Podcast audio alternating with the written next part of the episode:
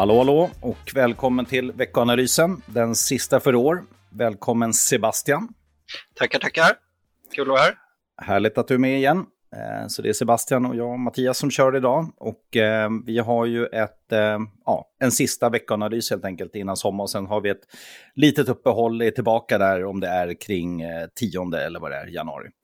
Ja. Ehm, vi drar väl rakt igång och som vanligt så, så är det rätt mycket händelserikt, även om vi vet att det avtar nu. Men vad hände egentligen förra veckan? Vi börjar där. Eh, ja, eh, förra veckan var ju faktiskt fullspäckad eh, inför julveckan då. Eh, och framförallt så bjöds det på mycket intressant makrostatistik eh, som även hade ganska, stora, ganska stor påverkan på marknaden. Så eh, inledningsvis så såg vi ganska Eh, en svag inledning på Stockholmsbörsen, eh, men uppgångar i USA. Eh, och den här optimismen spred sig sen när den amerikanska inflationsstatistiken presenterades eh, under tisdagen eh, och kom in lägre än väntat. Så de amerikanska börserna öppnade ungefär 4% upp på tisdagen, även om de sen föll tillbaka lite innan börsen stängde. Mm. Eh, och sen så blev det lite svajigare när det väl var dags för Fed och ECB att släppa sina räntebesked. Eh, och det här bidrog då till att en recessionsoro tilltog på marknaden, eh, vilket gjorde att den föll tillbaka och sen stängde på minus. Eh, Okej. och, ja, det var egentligen inflation och centralbanker som Ja. eh, styrde börsen förra veckan och Så- styrde så- i två olika håll. Som så många gånger tidigare kan man väl säga. Och det är alltså när, när börsen är upp 4% så tänker jag två saker. Ett, att det är sjukt stort genomslag av en siffra. Eh, mer än vad det kanske någonsin har gjort. Eh, och det andra är att eh, i eh, normala marknader, när det, när det är uppåtmarknader, på lite sikt och lugna marknader, så går det inte, dagsrörelsen är inte 4% upp. Eh, Nej. Det, det brukar vara så snarare. I, I lugna, stabila uppåtmarknader, då ska det ticka på. Och sen kommer det lite fall emellan. Men att det går upp 4 det, det ser man tyvärr oftare när det är dåliga marknader. Så egentligen ingen bra signal skulle jag säga. Och, ja, sen får vi se den här rekylen som vi har fått uppåt, om den, den håller. Vi är väl lite så här också försiktiga om det kanske kan bli en, en rekyl ner på, på den uppåtrekylen. Men, Ja. eh, men definitivt eh, viktiga besked, vi kommer mer in på det. Och eh, återigen då efter det här beskedet då lite mer eh, recessionsoro då.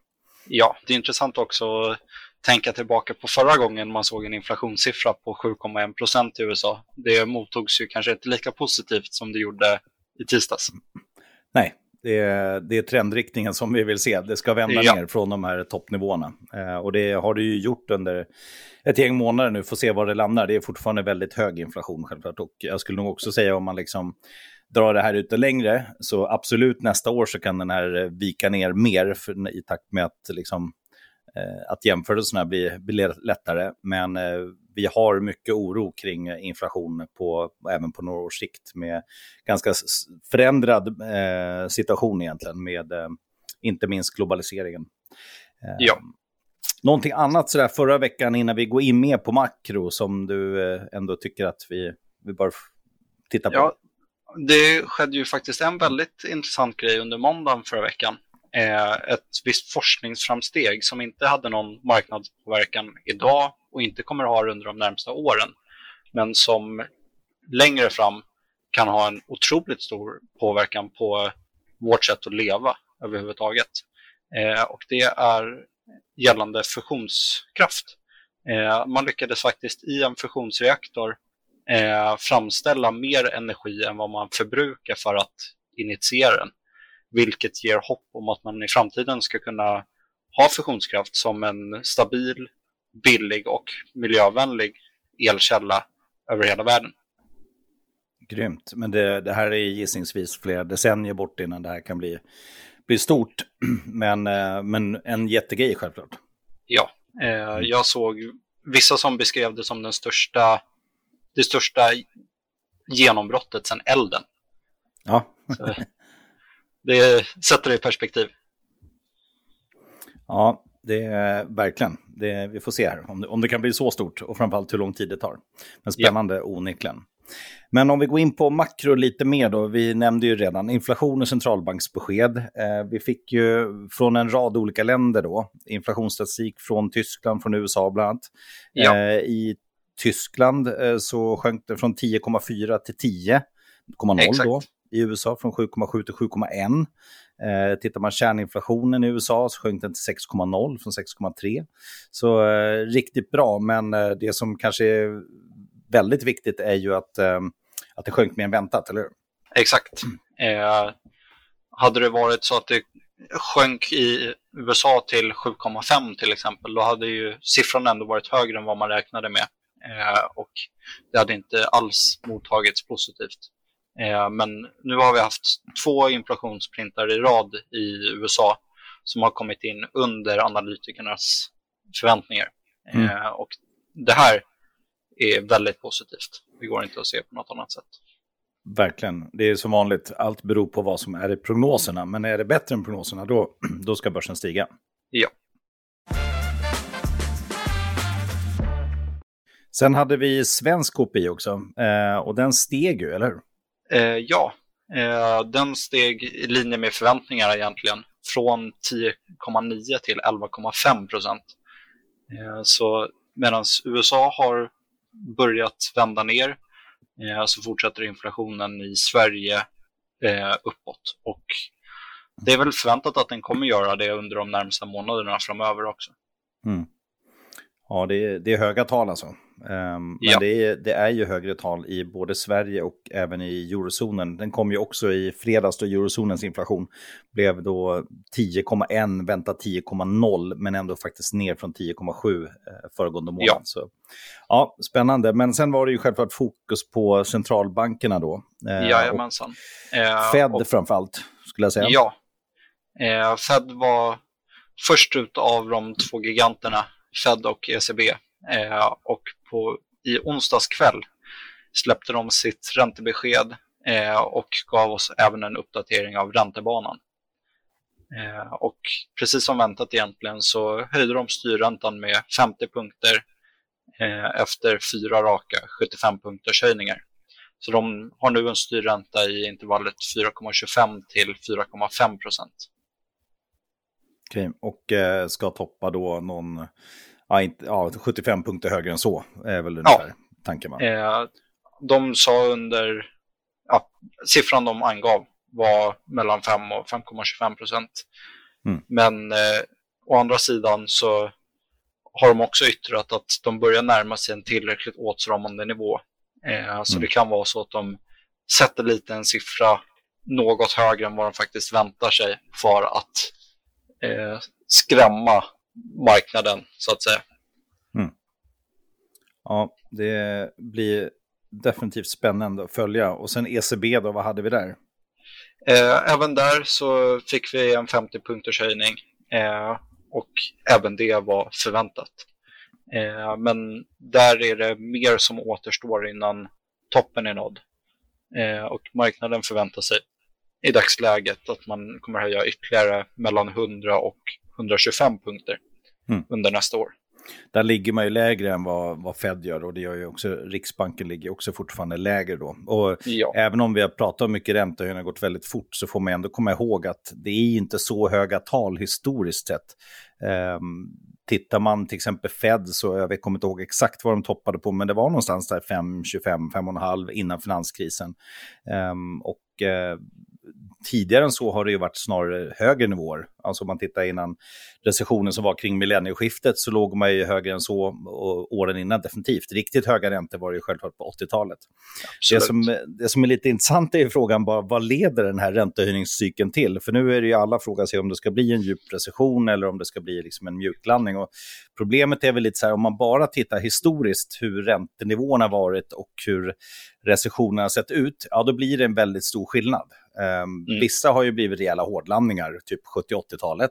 Uh, tittar man uh, typ mitten 80-talet, mitten 90-talet, de höjningscyklerna som var, då var det ju då var det absolut inte så att, um, att det var någon recession och kanske de sista två tillfällena man höjt kanske inte ens går att liksom relatera till räntehöjningar att det blev en recession. Eh, kanske var andra saker som låg bakom. Så sjukt svårt att säga, men det som är lite oroväckande skulle jag väl säga är att när vi har haft en inflation som är så hög som här, och det har vi egentligen bara haft under 70-80-talet, ja då har räntehöjningarna också lett till en, en recession därefter. Så vi får se. Det, det är för tidigt att säga, men eh, nog börjar fler marknadsaktörer räkna med att det kan bli en, en recession i alla fall och inte en sån här riktig mjuklandning. Så. Ja, man får ju också lite skrämselhicka av att börja prata nivåer kring de som var innan kraschen 2008. Det vill man ju mm. kanske... Det vill i alla fall jag undvika känner jag. Mm. Det är, jag, jag som är äldre, jag, jag, tycker alla krascher är lika jobbiga. Det har varit så många under min livstid. Men jag förstår, finanskrisen, ja i och för sig, du, du var inte så gammal då. Nej, 12 år, men eh, jag minns det ändå. Så. Ja, det var tufft. Men eh, Sverige klarade ju det relativt bra. Ja. Eh, blickar vi däremot mot till exempel USA så var det ju en riktig katastrof. Mm. Så, så det, man förstår ju att svenska konsumenter till exempel, de är ju rekorddeppiga, mycket deppigare än vad de var under 2008 och 2009. Men mm. det är också för att finanskrisen tog ju inte lika hårt i Sverige som den gjorde i bland annat mm. USA. Ja, framförallt så räddade ju centralbankerna då världen relativt snabbt. Även i USA så kom det ändå tillbaka ganska fort, även om krisen var väldigt, väldigt djup. Ja. Eh, och tittar man på millennieskiftskrisen så då var det ju närmast en, en börsbubbla som sprack och ekonomiskt var det inte så himla farligt. Så alla kriser är ju lite olika och det, det återstår att se hur, hur den här blir när man tittar tillbaka sen helt enkelt. Ja. Men eh, härligt, en liten eh, ivägsvävning här till eh, historisk Fed-höjningscykler. Eh, kikar vi lite grann mer eh, nu framåt då, vad har vi då att blicka framåt? Eh, ja, under kommande vecka så är det ju faktiskt ganska lugnt. Eh, det förväntas att det kommer vara lugnt på marknaden. det är väldigt få rapporter under veckan mm. där Nike är den mest intressanta som kommer under tisdagen. Mm. Eh, och sen så har vi en del makrostatistik, men även där så är det relativt lugnt. Eh, men det som kommer är bland annat eh, IFO-index idag, som mm. är en mätning över det tyska affärsklimatet. Eh, där förväntningarna är att eh, det kommer att ske en viss förbättring både av nuläget och framtidsutsikterna eh, än mätningen föregående månad. Eh, och vi bjuds även på NAHB-index eh, som är en förtroendemätning för amerikanska husbyggare. Eh, och där väntas fortsatt sämre utsikter, eh, vilket egentligen har varit trenden under hela året. Ja, det är rimligt också. De drabbas ju av högre räntor, folk vill bygga mindre hus. Och, ja. ja det är inga konstigheter egentligen. Alla de där indikatorerna är ju tyvärr eh, rakt ner. Så. Det stämmer. Eh, det kommer även lite statistik över bygglov och byggstarter i USA. Eh, tyska producentprisindex. Eh, och eh, svensk detaljhandel eh, för november månad kommer under torsdag. Mm. Eh, och sen så mm. avslutas veckan med kanske den mest intressanta makropunkten, eh, vilket är PCE-prisindex som eh, egentligen är den, det inflationsmått som eh, den amerikanska centralbanken Fed kollar mest på. Så rätt viktig statistik ändå egentligen, även om det är lite tunt. Eh, ja. Dels då självklart PCE, det är ju en jätteviktig indikator, men också IFO tittar många på. Och sen har vi då svensk detaljhandel, i alla fall för svensk ekonomi rätt intressant. Jag tänkte också på, du nämnde ju inte ett jättestort bolag som kom med rapport redan idag. Nej, det är inte så stort, men det är Skistar och det passar ju jättebra att prata Skistar inför skidsäsongen som sätter igång här. Eh, de eh, kommer med en rapport idag som eh, ja, men tydligt tapp av olika, med bokningar då jämfört med föregående år, men också jämfört med året innan pandemi faktiskt. Så det börjar letas igenom lite grann hos hushåll att det är, eh, dyrt att åka iväg också. Och just Skistar är ju sådana bolag som faktiskt brukar gynnas när kronan är svag, fler som åker till mm. Sverige. Så jag tror att just den, det svenska resandet i alla fall eh, drabbas lite grann. Så aktien är ner 9 eh, men man ska också komma ihåg, sen senaste rapporten är väl upp 10-15. Så ja, ingen kris på något sätt, men eh, vi kommer se fler sådana här eh, konsumentrelaterade bolag som kommer in med svaga siffror. Det kommer vi nog göra. Så är det. Du, tiden går sjukt fort här. Det är som vanligt när man har roligt. Eh, ja. Jag tänkte en avslutande fråga. Jag vet inte om du ens lyssnade på förra podden, men jag fick en fråga av Marcus som frågade mig om vilka tre sektorer som har gått bäst under de förra tre åren. Eh, jag var väl hyfsat bra. Nu tänkte jag testa dig här. Eh, så det, det, viktiga är ju vilka tre sektorer tror du kommer gå bäst närmaste tre åren, det vill säga inte de senaste tre. Och vi har ju inte svarat okay. som tre år, men eh, du får testa, så får vi eh, ta det om podden, i podden om tre år. Ja, eh, då skulle jag först ut och den jag känner mig mest bekväm med att gissa eh, in i topp tre-listan, det får nog bli IT-sektorn. Eh, där tror jag att det finns mycket potential. Eh, sen så skulle jag vilja ge en av platserna till materialsektorn. Eh, nu när det är betydligt färre saker som Eh, exporteras från Ryssland så finns det goda möjligheter för materialsektorn i andra regioner att eh, gynnas.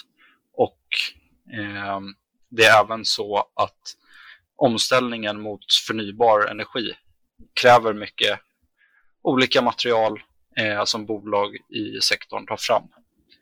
Och sen så den tredje blir ju då tuff att få in Eh, men jag skulle vilja chansa på att kommunikationstjänster eh, kan få en liten revansch. Eh, det är den sektorn som har gått sämst under året.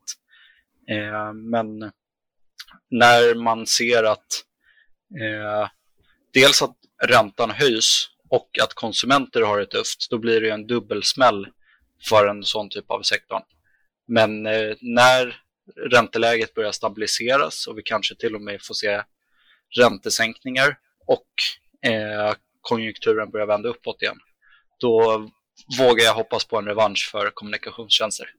Ja, men det låter ju rätt rimligt. Det lirar ju nästan med vår indikator också. Vi har ju IT och eh, materials då på, på grönt. Eh, och anledningen att vi valde kommunikation istället för hälsovård som vi har grönt på gissar då är att vi pratar lite längre sikt. Jag frågar om tre år och vår indikator jobbar med tre till tolv månader. Så, så det är så, bra, du har liksom ett cykeltänk där i. Ja, eh, närmsta tiden så tror jag fortfarande på hälsovårdssektorn, men eh, Mm. Det kommer också en punkt eh, när konjunkturen bottnar, när det börjar bli läge att ta av eh, risk från den sektorn eh, och rikta det mot någonting annat. Och eh, då skulle det kunna finnas potential inom till exempel kommunikationstjänster. Låter helt rimligt. Du, nu har det gått 18 minuter, så nu får vi faktiskt eh, tacka för idag och önska våra lyssnare en god jul och gott nytt år. Så får vi helt enkelt höras lite senare igen. Ja, vi får tacka för i år till och med. Ja, det gör vi. God jul och gott nytt år, så ses vi nästa år.